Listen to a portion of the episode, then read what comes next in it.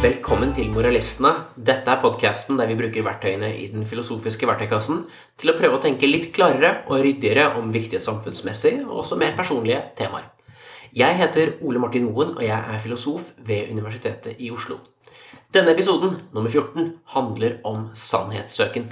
Den er et foredrag som jeg holdt på Filosofifestivalen i Kragerø i sommer, 9.6.2018, og den handler om hvordan vi som enkeltmennesker og som samfunn kan bli mer sannhetssøkende. Tenk deg at du kom til en idrettsstadion, en stor idrettsstadion, og der nede på flaten så var det massevis av folk. Og de sparket og kastet baller i forskjellige størrelser. De hadde forskjellige typer drakter. Noen prøvde å rulle noen ting, noen prøvde å få kastet noe kjempelangt, noen dunket inn i hverandre. Og så var det masse heiagjenger rundt som du ikke helt skjønte hvem som, hvem som, heide på hvem. Og du skjønner ikke helt hvem som er på lag med hvem heller. Men det er veldig mange som prøver å gjøre veldig mye, og det er veldig, veldig viktig for dem. Dette er litt det inntrykket som jeg noen ganger får av det offentlige ordskiftet og av si, diskusjoner om samfunnsmessige og filosofiske temaer. Det er veldig mange forskjellige meninger. Så kommer noen med litt fakta, kanskje en statistikk. Kanskje de kommer med noen prosent av noe. Noen kommer med en anekdote. Noen kommer med en historie om hva deres tante sa om dette. Noen er sarkastiske, noen kommer med en anklage. Noen er eh, veldig selvsikre i at deres mening er riktig, og gjentar den igjen og igjen. Og det jeg noen ganger lurer på da, når jeg ser det offentlige ordskiftet, er jo altså hva er det egentlig vi prøver å gjøre? Hva er det vi driver med her, og hva er det som er suksesskriteriet? Litt tilsvarende, hvilken sport er det vi driver med? Og hva er det som teller som et mål? Og det er klart, Hvis man verken vet hvilken sport man driver med, eller vet hva som teller som et mål, så kan det være litt vanskelig å bedømme for å si, hvem man skal heie på, eh, hvem som eventuelt vinner, hvem man skal gi sin, sin støtte til. For det er jo veldig mange ting folk driver med når de deltar i det offentlige ordskiftet. Noen prøver å imponere andre, noen prøver å få bekreftelse av andre. Noen vil gjerne vise sin gruppetilhørighet. Noen vil vise hvor gode de er, som klarer å bli opprørt over dette. her sånn. Så kan man vise at man, man selv er virkelig dypt på det rette laget. Noen driver med aktivisme. Noen prøver å samle penger til sin sak. Noen prøver å sanke stemmer til sitt parti. Noen prøver å få noen til sengs. Noen prøver å fremme karrieren sin. Noen har dette som en slags sånn flukt fra eksistensiell angst. Noen prøver å ha det gøy. Noen prøver bare å bli likt av, av de rundt seg. Det er veldig mange ting som kan motivere deltakelse i en offentlig, offentlig debatt, eller deltakelse sånn som nå. Og disse tingene her sånn er det jo for så vidt ganske greit å gjøre. Folk bør gjøre mange av disse tingene. Jeg vil tro at dere som er her nå, antagelig kommer hit med mange forskjellige mål. Men et av de målene som det iallfall iblant da, kan være greit å sikte hen imot litt sånn eksplisitt, det er jo da å prøve å finne ut av hva er det som er sant. Og det er klart Man kan kombinere en sannhetssøken med andre ting. Men det kan være greit å avklare da, når man snakker med noen eller deltar i et ordskifte. Prøver vi faktisk nå sammen å finne ut hva som er sant, eller driver vi med noe helt annet? Jeg tror det er viktig for oss å prøve å finne ut iblant i alle fall, hva som er sant, og sette det litt sånn i hovedsetet. Og prøve å finne ut sammen da, hva slags verden er det egentlig vi lever i? Hva i all verden er det som skjer? Hvor er det vi skal hen? Hva er det vi gjør her? Før jeg begynte på universitetet, så tenkte jeg at de fleste spørsmålene er besvart. Men vi vet sånn stort sett. De som jobber på universitetet, de vet. De som forsker på en ting, de vet. Men jo lenger jeg har vært på universitetet, og nå er jeg da plutselig den som underviser der, i stedet for den som studerer der, så ser jeg på en måte den litt sånn sjokkerende funnet. da, At det er faktisk veldig veldig mange ting vi ikke vet. Særlig da innenfor filosofi. Men også innenfor andre spørsmål. Vi vet jo ikke hva tid er. Vi vet ikke egentlig hva rom er. Vi vet ikke hva materie er. Vi vet ikke hva bevissthet er. Det er på en måte noen store sånne hull da, som gjør meg noen ganger litt, litt bekymret for om vi egentlig vet hva vi, hva vi, holder på med. Og det er jo da kjempeviktig at de tingene vi vet, da, at vi holder på dem, og at vi prøver å, å si, tette disse hullene litt mer og mer, og går sammen om å prøve å finne ut av hva som er sant. Men noen vil jo si at det finnes ingen sannhet, eller eventuelt at alle har hver sin sannhet. Og det er jo klart, folk har jo hver sin mening. Og det er klart at vi også kan ha hver vår si, delsannhet om noe større. Men denne ideen om at det ikke finnes en sannhet, den er litt, litt underlig. Og jeg, jeg, møter den ganske ofte, eller Noen av de gangene jeg møter den mest, er i møte med idéhistorikere. Der møter jeg noen ganger tanken om at man skal kontekstualisere, man skal tolke. Men man skal jo ikke prøve å finne ut hva som er sant. Men på filosofi så prøver vi faktisk å finne ut hva som er sant. Og da får jeg noen ganger spørsmål tilbake. Ja, men du prøver å finne ut hva noen andre sa at var sant. Ikke sant? Eller en annen form for et tolkningsspørsmål. Eller du prøver å analysere hva, hva noen mener med begrepet sant. Og så prøver jeg å si tilbake at nei, jeg prøver faktisk å finne ut av hva som er sant. Prøver å finne ut av hvordan ting faktisk er. Og da jeg, får jeg ofte noen sånn blikk hvor man lurer litt på hva er det som egentlig skjedde nå. Er det, det det noen gjør? Er det å finne denne sannheten med stor S eller to streker under som man, man gjerne legger til? Og i en forstand er det jo det jeg iallfall søker etter. Jeg prøver å finne ut av hvordan verden er. Og jeg tror ikke selv om man vedgår at det finnes mange ulike perspektiver, mye verdifullt fra forskjellige steder, og at man selv ikke minst vet veldig lite og er veldig begrenset i, i, hva vi vet om verden, så bør vi likevel holde på denne sånn streben etter sannhet. Da.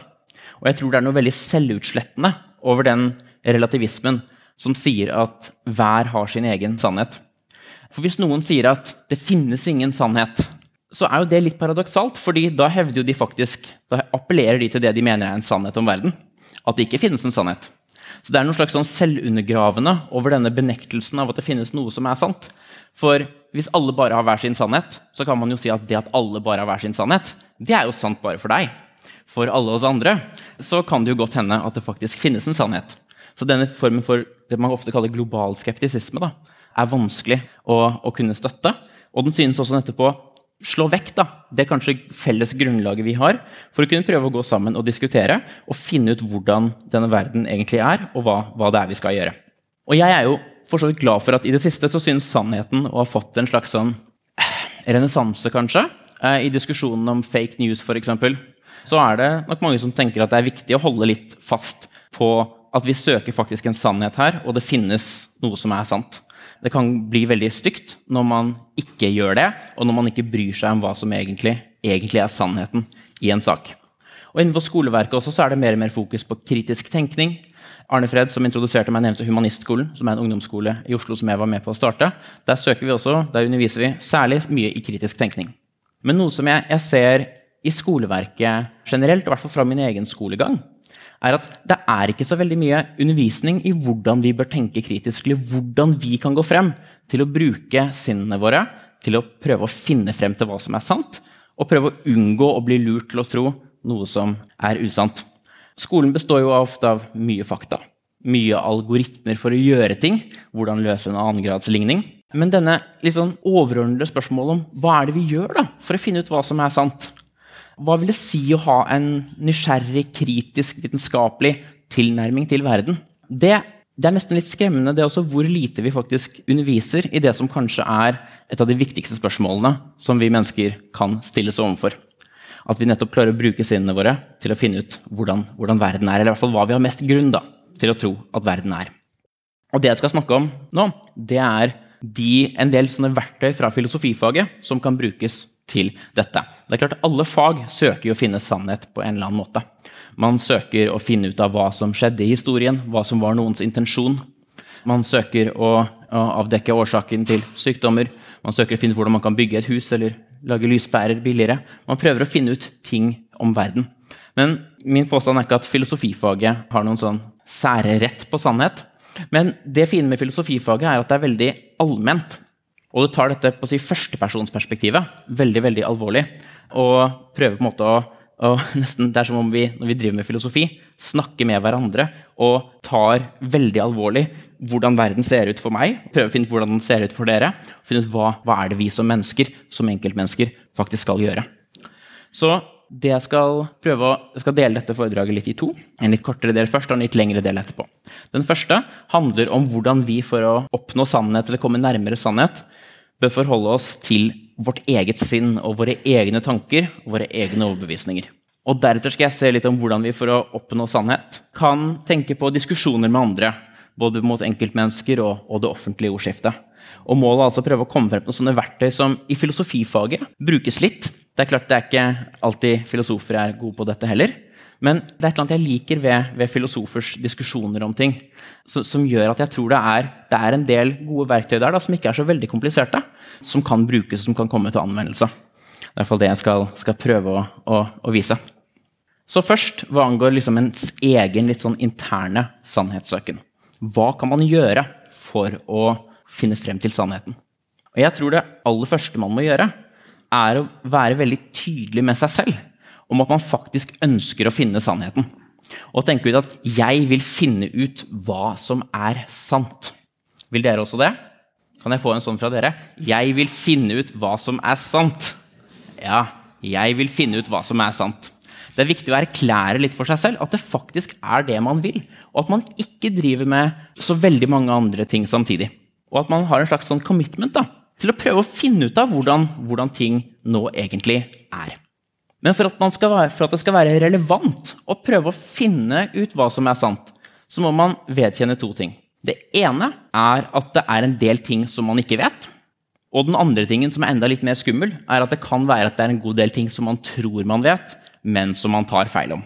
Så det kan være at liksom, det er en del ting ens sinn ikke ser. Og det kan være en del ting ens sinn tror man ser, men som altså er annerledes. Og vi skal begynne med den litt enkle, da, den, disse tingene som, som, vi rett og slett ikke vet. Og her tror jeg ikke vi bare må erkjenne at det er en del ting vi ikke vet, men jeg tror vi må tørre å være litt sånn brutalt ærlige med oss selv om hva vi faktisk ikke vet. Fordi vi går rundt overfor andre mennesker og later som vi vet mye mer enn hva vi egentlig vet. Og som vi har full kontroll på ting som vi egentlig ikke har full kontroll over. Og det gir mening for andre, blir kanskje litt trygge da, når man sier at man, man vet. Men egentlig så prøver jeg å tenke litt på mange mennesker i offentlig ordskifte som virker veldig veldig kunnskapsrike. Da prøver jeg å tenke litt at dette er på en måte så kunnskapsrike som de kan klare å fremstå. Og det er den beste fasaden de kan opprettholde. Og spør på en måte hvor, hvor kan, de, kan de da være?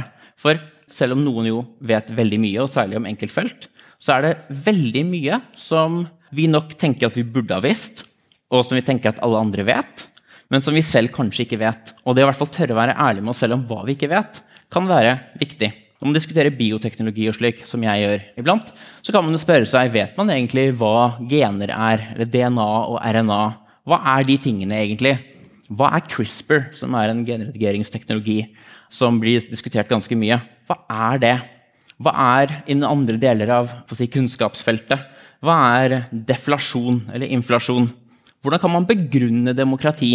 Eller hvorfor er egentlig ytringsfrihet veldig viktig? Eller hvordan begrunner man menneskerettigheter? Og jeg, jeg frykter at, er, at, mange tenker at, at, ja, det er jo åpenbart. Og enten at man selv tror at det er helt åpenbart, og da er det jo enda verre å vite med seg selv at man ikke egentlig ser det. For hvis man ikke engang klarer å se det som er åpenbart, da, da står det jo ganske, ganske, dårlig til. Så det å prøve å si litt om disse tingene her, da, hva er det andre liksom tror at jeg vet, som jeg faktisk ikke vet? Det tror jeg det kan være lurt for oss enkeltvis å prøve å liksom kartlegge litt. Hvor er det disse blindflekkene våre er? Så det er en, si, en slags sånn øvelse som jeg, vil, som jeg, vil, anbefale. Som ikke filosofer alltid er så gode på heller, men som jeg tror kan være god, og som kan være litt brutal noen ganger. Og jeg tror det et, kan være et lurt grep å ta. Om den første kategorien ting vi ikke vet. Den andre kategorien er jo da ting vi tror at vi vet, men som vi ikke vet. Og det er ikke like enkelt, fordi det har jo ikke vi tilgang til. Det er en del ting jeg vet at jeg ikke vet, men det er veldig vanskelig for meg fra førstepersonsperspektivet å finne ut av hva er det jeg tror som, som faktisk er usant. Og man kan jo noen gang få spørsmålet er du sikker på det, og da er jo svaret nesten alltid nei. Man kan være sikker på veldig få ting. Men man må jo grunnleggende sett ha en slags tro på sine egne overbevisninger. Jeg kan jo ikke gå rundt og tro at jeg tar feil om en ting. Hvis jeg gikk rundt og trodde at jeg tok feil om en ting, så måtte jeg jo formodentlig endre mening om den tingen. Så man må på en måte ha noen meninger. Men jeg tror det jo er veldig, veldig viktig å prøve å være på utkikk etter ting. Ikke bare ting som kan bekrefte hva man allerede mener, som jo selvfølgelig er mest behagelig, men å prøve å være litt aktiv da, i søken etter hvor er det man kan ta feil. Og dette er jo en litt sånn kjent ting innenfor vitenskapsfilosofi, og også innenfor vitenskap mer generelt. Tanken på falsifisering. Så når man har en mening, hvis man har en overbevisning som man er klar over, så må man jo spørre seg hva er det jeg kunne ha sett i verden? Hvilke observasjoner er det som hadde fått meg til å endre mening? Og så må man gå ut og så må man lete etter disse. Og det er jo da lett å si om noen meninger da, at det er ingenting som hadde fått meg til å endre mening om det jeg mener. Og det kan jo virke veldig trygt og fint på en måte, men hvis det er sant, at det ikke finnes noen input som hadde fått deg til å endre mening, så sier du på en måte at denne meningen er helt uavhengig av hvilken empiri du har fått inn. Og da synes det jo plutselig som om dette er mye mer et dogme enn det er noe som er basert på de tingene som du kan se. Så det å på en måte spørre seg da, hva kunne ha fått meg til å endre mening? Hvilke funn hvis de ble gjort, er det som hadde fått meg til å skifte? Og eventuelt, hva er det jeg ser som kan klare å motbevise meg? Jeg tror det å tørre å klare å ha det perspektivet når man ser ut på verden og ser på andres meninger, er viktig. Og jeg tror også det er viktig å være åpen ikke bare for at man gjør noen småfeil iblant, men også i hvert fall ha en liten si, gløtt i døren og være litt åpen for at man kan ta skikkelig og grunnleggende feil også. Det er en filosof som heter Evan G. Williams, som har skrevet innenfor moralfilosofi en veldig kul artikkel som heter 'The Possibility of an Ongoing Moral Catastrophe'. Hvor han spør seg om hva er sannsynligheten for at vi innenfor de tingene vi mener etisk, er skikkelig feil. Ikke bare smådetaljer som er feil, men ordentlig feil. Han diskuterer det innenfor etikk, men man kan spørre dette innenfor andre felt enn etikk også. Og det han påpeker er jo at Vi vil jo nå mene at de aller fleste opp gjennom historien har hatt veldig store grunnleggende feil.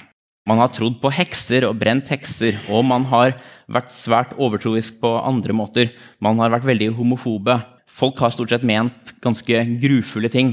Bare la oss si 100 år tilbake i tid, eller mindre enn det også. Og de har jo vært salig overbevist om at de nå endelig har fått ting på plass. De så tilbake på barbarene 100 år før dem igjen og tenkte at nå var det godt at vi fikk ryddet opp i dette.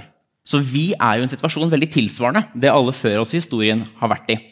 Og de, mener de fleste av oss, har tatt ganske grunnleggende feil. Og Da må man spørre hva er sannsynligheten for at vi også tar en del grunnleggende feil. Og det er klart det at vi bare føler oss ganske sikre på at vi har rett, det er ikke sikkert det hjelper oss så mye, fordi det følte de også. Og det at man ikke kan se hva det er, det er også heller ikke helt gitt at det kan hjelpe oss, for man ser jo ikke sine egne blindflekker. Det er det som gjør dem til, til blindflekker. Så denne, denne, tanken om at det kan være praksiser vi driver med, som, som er virkelig gale, da, eller ting vi bare antar om verden som faktisk er veldig annerledes, det tror jeg vi må være litt åpne for. Og for å kunne klare å sette såpass mye på spill, da, så tror jeg det er viktig det er at vi må prøve å la det gå stolthet.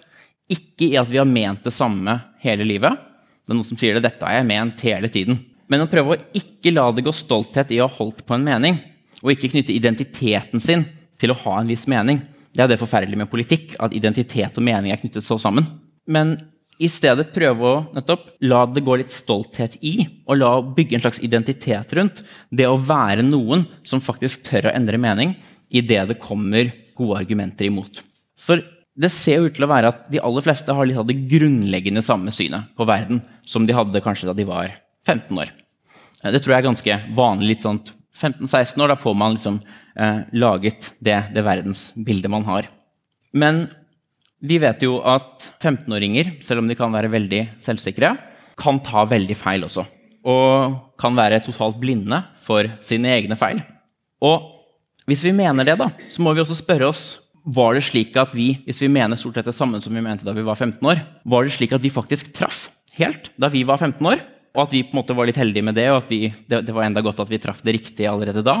Eller er det litt mer slik at vi kanskje har fått sementert noen holdninger? Vi har gått og omgitt oss med mennesker som mener det samme, som liker de tingene vi liker. Vi har lest de tingene som bekrefter de tingene vi liker. Og så har vi på en måte vært med på å bekrefte og bekrefte og bekrefte det synet. da. Det er noe jeg tror vi må være åpne for hvis vi har ment det samme veldig veldig lenge. Og noe vi kan være mindre bekymret for hvis vi faktisk har endret mening. Så jeg tror vi burde i mye større grad prøve å se på det å endre mening som noe positivt. Hvis noen har gjort det, så er det bra. Og jeg prøver å liksom kultivere dette som en slags sånn epistemologisk aktivisme når jeg møter folk, og spørre folk for å prøve å komme inn i sinnet deres er det noe dere har endret mening om i det siste. Er det noe du trodde for tre år siden, som du ikke tror nå? Og på en måte, Da får jeg ofte en del spennende, spennende ting i gang. Og det å på en måte prøve i oss selv da, og i andre å kultivere den tingen om at det er ikke dårlig, men faktisk bra å endre mening, det tror jeg er, er viktig. Og når det ikke er så farlig å endre mening, og når identiteten man har, ikke står på spill hvis man endrer mening, så tror jeg ikke argumenter er så veldig farlige heller. Og det tror jeg er et, et problem i mye, mye, diskusjoner. At det er mange som på en måte er litt redd for at motargumentene skal være gode. Men det er jo litt paradoksalt hvis målet er å finne sannhet. Fordi hvis det motargumentet er dårlig, så er det jo ikke noe å være redd for. Da var det jo bare et dårlig argument. Men la oss si at argumentet faktisk er bra. Det er et godt argument. Da er jo det en ganske unik mulighet til å lære. Og ikke bare mulighet til å lære noe, men faktisk å få korrigert noen av oppfatningene som man selv hadde fra før. Og det å ha gått rundt og trodd noe som ikke er riktig, det er jo virkelig ikke bra jo, vi har på en måte et slags sånn kart inni hodet vårt da, om hvordan verden er. Vi prøver å navigere verden ut fra dette kartet. Det blir som en sånn speidertropp som er på tur. liksom. Og så trodde du at det gikk en elv der, men det gjorde det faktisk ikke. Så er det veldig greit å få påpekt det, slik at man ikke tar feil og prøver å gå for å hente vann, og så er det ikke noe der. Det er på en måte dette mentale kartet vi har, da. og det å få korrigert ting i dette kartet, det er veldig lurt.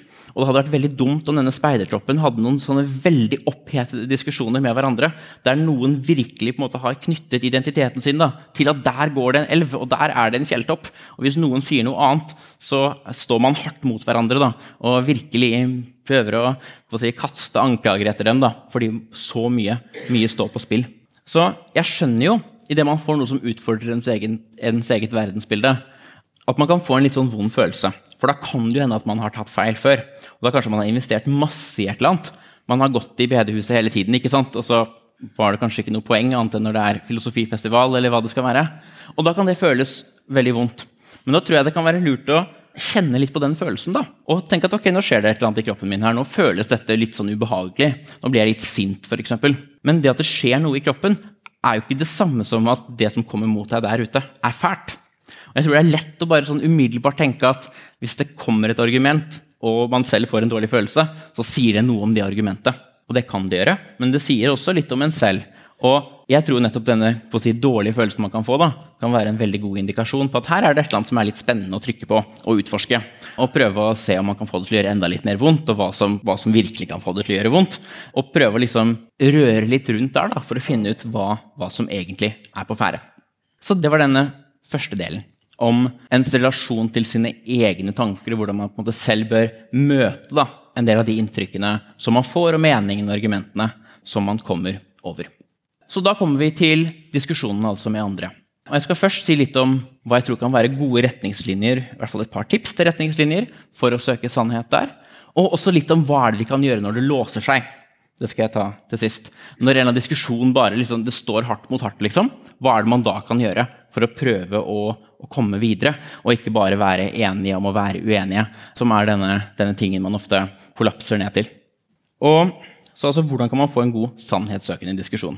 Dette handler altså ikke om hvordan man kan få en diskusjon som man nødvendigvis vinner, eller som man får masse positiv oppmerksomhet rundt. Man kan få mye negativ oppmerksomhet rundt det. Men hvordan man liksom kan, eh, hvis man skal prøve å søke sannhet, da, så kanskje disse tingene her kan være lurt. Og Den ene tingen, som egentlig er litt av det samme poenget som det som gjaldt ens egen indre sannhetssøken, det er å igjen å tørre å være åpen om ens egen uvitenhet. Hvis det er et ord man ikke forstår, noe man er usikker om, noe man er i tvil om, noe man ikke vet hvordan man skal svare på, som kommer mot en, så kan man jo faktisk være veldig tydelig på at 'dette vet jeg ikke', dette syns jeg det er vanskelig å svare på. Dette må jeg tenke på. Det er klart Hvis målet er å fremstå som en som vet alt, så er det klart da er dette en veldig dårlig strategi. Men nå skulle vi jo prøve å finne sannhet, ikke prøve å fremstå bra. Og da kan det kanskje være lurt å bare prøve å la det nesten ikke være noe filter i det hele tatt mellom nettopp hva er det du faktisk vet, og hva er det du kan være sikker på, og de tingene man faktisk sier. Så det å på en måte slippe en annen liksom inn i sin egen tenkning da, og inn i sin egen usikkerhet, tror jeg at kan være et veldig veldig godt verktøy for å finne sannhet, og for å åpne opp diskusjonen. Og ikke minst, som en, en, del av disse tingene kan også være gode retoriske verktøy. Det er ikke derfor de er gode, men en del av disse tingene kan, kan nok også være det. Men da må man tenke at man ikke skal vinne en diskusjon. I politikken prøver man jo å vinne. Og noen ganger så er det nesten Det er så åpenbart at man ikke søker sannhet i det hele tatt. For politikere synes veldig ofte å late som hvis de har landet på en konklusjon, at alt taler for den konklusjonen, og ingenting taler imot. Så liksom ethvert saksforhold man prøver å lufte, da, så, man, så, er det en slags sånn nedsabling av det motstanderen sier, og en veldig opphaussing av det man selv sier. Men det er jo radikalt lite plausibelt at alt taler for en konklusjon, og ingenting taler imot. Veldig ofte så er det jo noen ting som veier på den ene siden, og andre ting på den andre siden. Og man kan jo vedgå at noe taler imot ens eget syn. Hvis man er tilhenger av en eller annen form for politisk avgjørelse, så kan man jo vedgå at ja, den her det ulemper ved også, men jeg mener fordelene faktisk veier enda tyngre. Så det å ha denne kampen for at ingenting skal tale mot ens egen sak, det kan sikkert være ment til å kunne signalisere styrke. Men for meg så virker det som en, nesten en måte å, å vedgi da, at man faktisk ikke er veldig åpen for og responsiv til de grunnene som kunne finnes mot, mot ens eget syn. Så I stedet for på en å stå på så hardt mot, da, så går det an å ta en litt mer sånn sokratisk eller hvis man skal være enda litt slemmere, sånn inkvisitorisk ståsted overfor det noen som er uenig med henne, mener. Og på en måte prøve å grave seg litt inn i deres synspunkt og inn i deres verdensbilde. For det er veldig lett når vi skal diskutere med andre, å på en måte prøve å bare styrke vår egen sak og prøve å komme på motargumenter. Mens de snakker, så tenker man ok, hvilke motargumenter kan jeg komme med? Hva kan jeg komme opp med for at min side skal kunne vinne her? sånn? Og da får man på en måte et sånt veldig sånn internt på en måte havne veldig i seg selv. Og man lytter jo ikke, for det har man jo ikke tid til. for man skal jo prøve å finne ut av hva man kan si tilbake. Og istedenfor å på en måte reise inn i seg selv når noen snakker, da, så kan man jo se på dette som en slags sånn oppdagelsesreise inn i andre. Og prøve å på en måte virkelig finne ut av hva er det de mener, og hvorfor er det de, de mener det. Og hva nøyaktig er det det er de mener. Så Man kan ta for en debatt som kommer litt opp og ned fra overflaten i Norge iblant, og som jeg har vært med og diskutert litt også, f.eks. Om, om surrogati. Bør surrogati bli tillatt i Norge? Det er noe man kan mene forskjellige ting om. Jeg heller for at det burde bli tillatt i Norge. Det kan det godt hende jeg tar feil om, men jeg tror det. Men når jeg da diskuterer med noen, dette er ment bare som et eksempel på hvordan man kan tenke, så er det jo spennende å prøve å finne ut av Hvis noen sier at de er imot det, hva nøyaktig er den meningen? Mener de at det er etisk galt å gjøre det? Eller mener de at det burde være forbudt? Det kan være to litt forskjellige ting. Man kan mene at en del ting som er etisk gale, likevel bør være tillatt. Fordi det, man har kanskje videre rammene for hva, man, hva som bør være forbudt. Burde kanskje ikke være de samme rammene som hva som er etisk akseptabelt. Så hva er det egentlig man mener her? Og så må man spørre også, Hvis man skal grave litt mer inn i et syn, da, la oss si man mener at det, noen, de mener at det bør være forbudt, så må man spørre seg er problemet surrogati som sådan. Når man snakker om et tema, Er det det i seg selv som er problemet? Eller er det dette bare under noen omstendigheter? Er det noen former for regulering av dette som man er imot, mens andre som man kunne være i for? Så er det, på en måte, er det dette i en surrogati i enhver kontekst som er galt? Eller er det surrogati bare i noen kontekster? Og Hvis det bare er i noen kontekster, så må man jo finne ut av hm, i hvilken grad vil de kontekstene kunne inntreffe. Hvordan kan vi få de til å eventuelt inntreffe? Eller klarer vi eventuelt ikke det, slik at det selv om det ikke er prinsipielt galt og galt i seg selv, likevel kanskje kan tillates? Man må også finne ut av hvis man får et, et argument da, for at dette er galt. i en eller annen forstand. Man kan for si at Surrogati fører i hvert fall ofte da, til at barn ikke kjenner sitt biologiske opphav, i hvert fall den ene siden av sitt biologiske opphav. Og da kan man jo også finne ut videre da, at dette er jo interessant. Vi er enige i at biologisk opphav er en ting som det for mange er, er viktig å vite. Men hvis det faktisk er sant da, at det er en viktig ting, og det også er slik at surrogati vil øke antallet barn som ikke kjenner sitt eget opphav, da må vi spørre oss hva er det vi i så fall har funnet. Har vi funnet en ulempe ved surrogati? Eller har vi funnet noe som er et argument i selv for at surrogati er galt? Så er det på en måte noe som veier på, på nei-siden, eller er det noe som bare gjør at vi ikke bør tenke over det i det hele tatt? Det er et veldig veldig viktig poeng. Det synes noen ganger i diskusjoner som om noen som har funnet en ulempe, tenker at de dermed har funnet en tilstrekkelig grunn til å være imot en hel praksis. Men man kan jo vedgå at det finnes ulemper, og samtidig ha det som et åpent spørsmål om det også finnes fordeler. Og Da må man jo også se på andre ting, f.eks. med barn som er adoptert, ikke kjenner sitt opphav. For eksempel. Hvordan går det med dem? Hvor viktig synes dette å være? Og man må ha en diskusjon om ja, hvor, hvor, hvor, ille er det nå alt i alt? da? Og det er en litt annen diskusjon enn bare det å identifisere spesifikke ulemper. Og det er klart Hvis man ser på en ulempe og bare har den veldig tydelig i sinnet, og man blir på en måte veldig sånn opprørt av den, så kan på en måte den fylle hele ens tenkning. Og så tenker man at dette er det som er feil med f.eks. surrogati. da. Men det er viktig å nettopp da ha klart for seg selv hva slags type argument er det. Noen argumenter kan være argumenter som gjør at vi må utelukke det helt, mens andre argumenter bare peker til ulemper. Og Man kan også finne ut for eksempel, om man, som også kan være lurt i det man kommer inn i noens, noens verdensbilde, da, og finne ut om man diskuterer definisjoner, eller om man diskuterer sak. Noen vil for si at en mor er en genetisk mor, mens andre for vil si at en mor ikke er en genetisk mor. Men det er ikke gitt at det er en ordentlig substansiell uenighet. Det kan være en slags uenighet om hvordan man bruker begrepet mor. Man kan være en biologisk mor, og man kan være en sosial mor. Og så har andre mødreroller.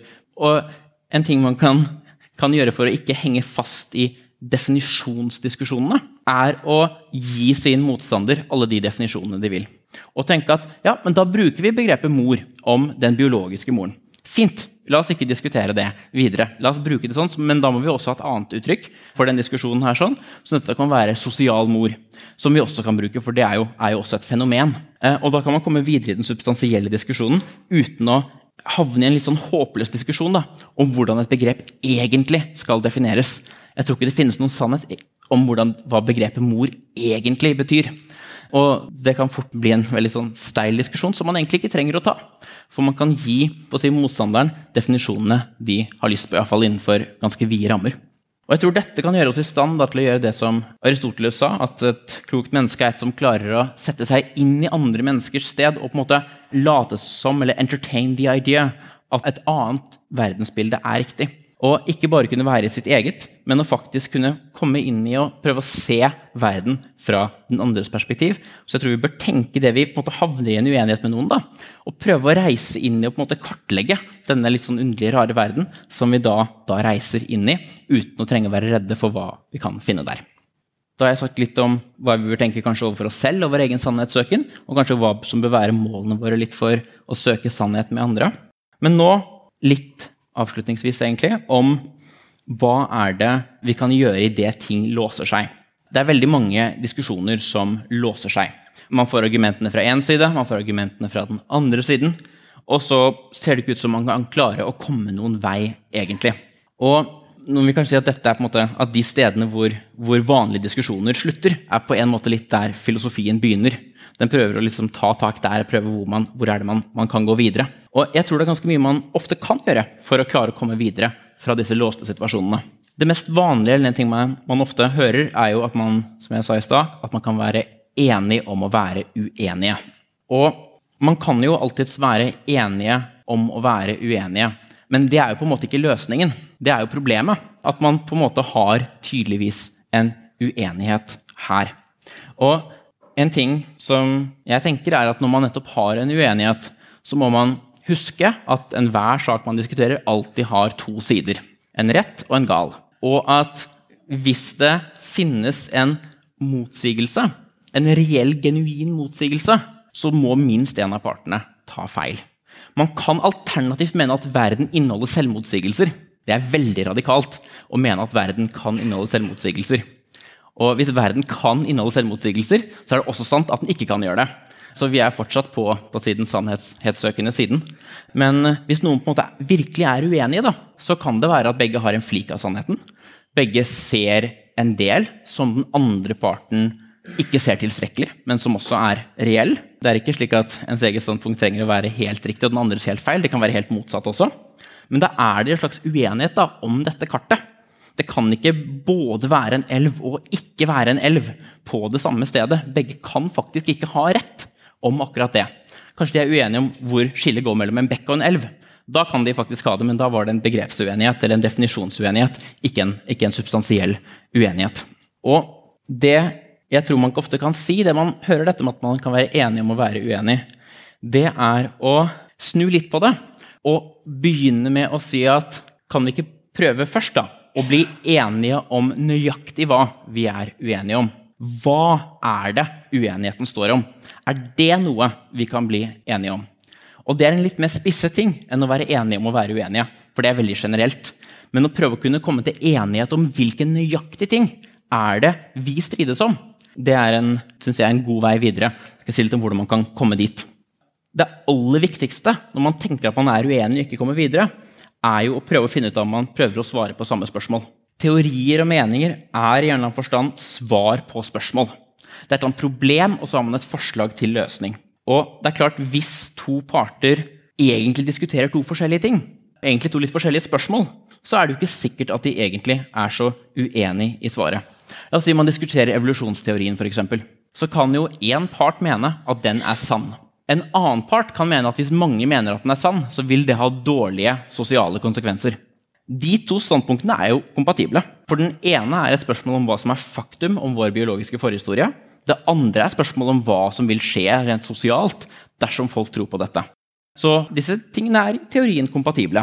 Eller hvis man prøver å finne ut av ja, hva er det vi bør si, hva er det det er lurt for oss å si, hva er det strategisk lurt for meg å si i min posisjon nå, det kan være et litt annet spørsmål enn spørsmål om hva som egentlig er sant. Så man må prøve å finne ut av hva er det vi faktisk prøver å, å besvare. Og la oss si at man har funnet ut at man prøver faktisk å svare på samme spørsmål. Min erfaring er at det prøver man veldig ofte ikke å gjøre. så man på en måte kan klare å komme videre i diskusjonen allerede der. Men noen ganger så er det genuint samme spørsmål. Og hva, hva kan man gjøre da? Og det tror jeg er viktig når man først har funnet ut at man diskuterer samme spørsmål. Det er å prøve å spørre hvor langt er det vi kan finne enighet? Hvor mye er det vi er enige om? Og da Noen ganger så må man opp på veldig veldig generelle ting. Vi bor i et samfunn. Vi skal prøve å få Det er dumt at folk lider for mye. Litt sånn veldig generelt. Men noen ganger kan man bli, komme mye smalere inn også og finne ut hvor er det, man, hvor er det uenigheten står. Og idet man har funnet ut nøyaktig hvor uenigheten står, da, så er det også en ting som kan være veldig lurt. Det er å bytte side i debatten. Det går an å si at ok, nå bytter vi side. Nå argumenterer du for mitt syn, og jeg argumenterer for ditt syn. Og så skal vi se om vi har forstått hva motstanderen faktisk mener. Og hvis man bare kan gi en sånn fryktelig overfladisk forklaring av hva motstanderen mener, så har man kanskje ikke skjønt hva motstanderens syn egentlig går ut på. Noe som kalles en intellektuell Turing-test. Turing-testen handler egentlig om en maskin klarer å vise, eller klarer å late som den er et menneske. Men man kan også se for seg en slags intellektuell Turing-test, der man, om man selv faktisk klarer å argumentere for et syn, på en måte som gjør det faktisk overbevisende at man hadde trodd på dette, selv om man ikke gjør det. Og Hvis man ikke kan gi en plausibel forklaring da, på det motsatte synet, så har man kanskje ikke en så god oppfatning av hva motstanderens argument er. Og Da får man det også spennende. da. I hvilken grad har jeg faktisk forstått ditt syn? I hvilken grad har jeg misforstått ditt syn? Også en interessant måte å kunne få debatten videre på. Så ett minutt igjen, så skal vi få to, kanskje. Så skal jeg få spørsmål. Det kan også være aller de siste tingene som knytter seg til folks, dette, er den siste ting man kan gjøre hvis alt annet låser seg. Det er dette spørsmålet om falsifikasjon. Og igjen, som jeg nevnte tidligere, falsifikasjon handler om kriteriet for å, hva det fått deg til å endre mening. Og det som kan være fint, er å spørre hva er den minste endringen av funnene vi ser, som skulle ha fått deg til å endre mening? Hva måtte vi ha sett da? Noen mener f.eks. at muslimene tar over Norge og kommer til å ødelegge Norge. For eksempel. Noen mener det. Man spør ok, hvilke funn er det du måtte sett for å bli overbevist om det motsatte. Hva, hva, er den minste lille funnet som hadde talt imot ditt syn? Hva er den minste tingen som hadde fått deg over på min side? Det kan være en god ting å gjøre, både med litt ekstreme standpunkter og også med mindre ekstreme standpunkter. for å finne Hva er det som hadde fått deg til å endre mening? da? Og jeg tror at det vi bør prøve å gjøre, da, alt i alt, er å ta spørsmålet om sannhetssøken veldig veldig alvorlig. Og være veldig dypt interessert i hva som er sant. Men samtidig som vi gjør det, klare å ha en skal man si, en nysgjerrig, kanskje til og med sånn lekete holdning til ja, hva kan det være? Hvor kan dette argumentet lede? Hvordan kan noe, noe ting henge sammen? Og det å prøve å måte være sånn committed til sannhet, og samtidig prøve å ikke være redd for hvor, hva et argument kan lede til, hva man selv kan vise at man ikke vet Det å ha denne åpne da, holdningen for dette tror jeg er kjempeviktig. Og det kan gjøre at diskusjonen i samfunnet også mellom mennesker, ikke blir denne kampen mellom to krefter hvor én prøver å vinne, men hvor man heller står på samme side da, og kjemper litt mot verden. Og prøver å bruke begges perspektiver til å finne ut av hvordan er det denne verden egentlig er. Og da har man på en måte en felles fiende, som er verden der ute, snarere enn å ha, ha hverandre. Så å prøve å kultivere dette og prøve å diskutere sånn, så tror jeg vi kan gjøre diskusjonen vi har med hverandre, bedre. Og at vi sakte, men sikkert også kan gjøre diskusjonen vi har litt mer på samfunnsplan, bedre, de også. Og det er kjempeviktig for å finne ut av hva slags verden det nå en gang er vi lever i, og hva i all verden det er vi skal her. Takk.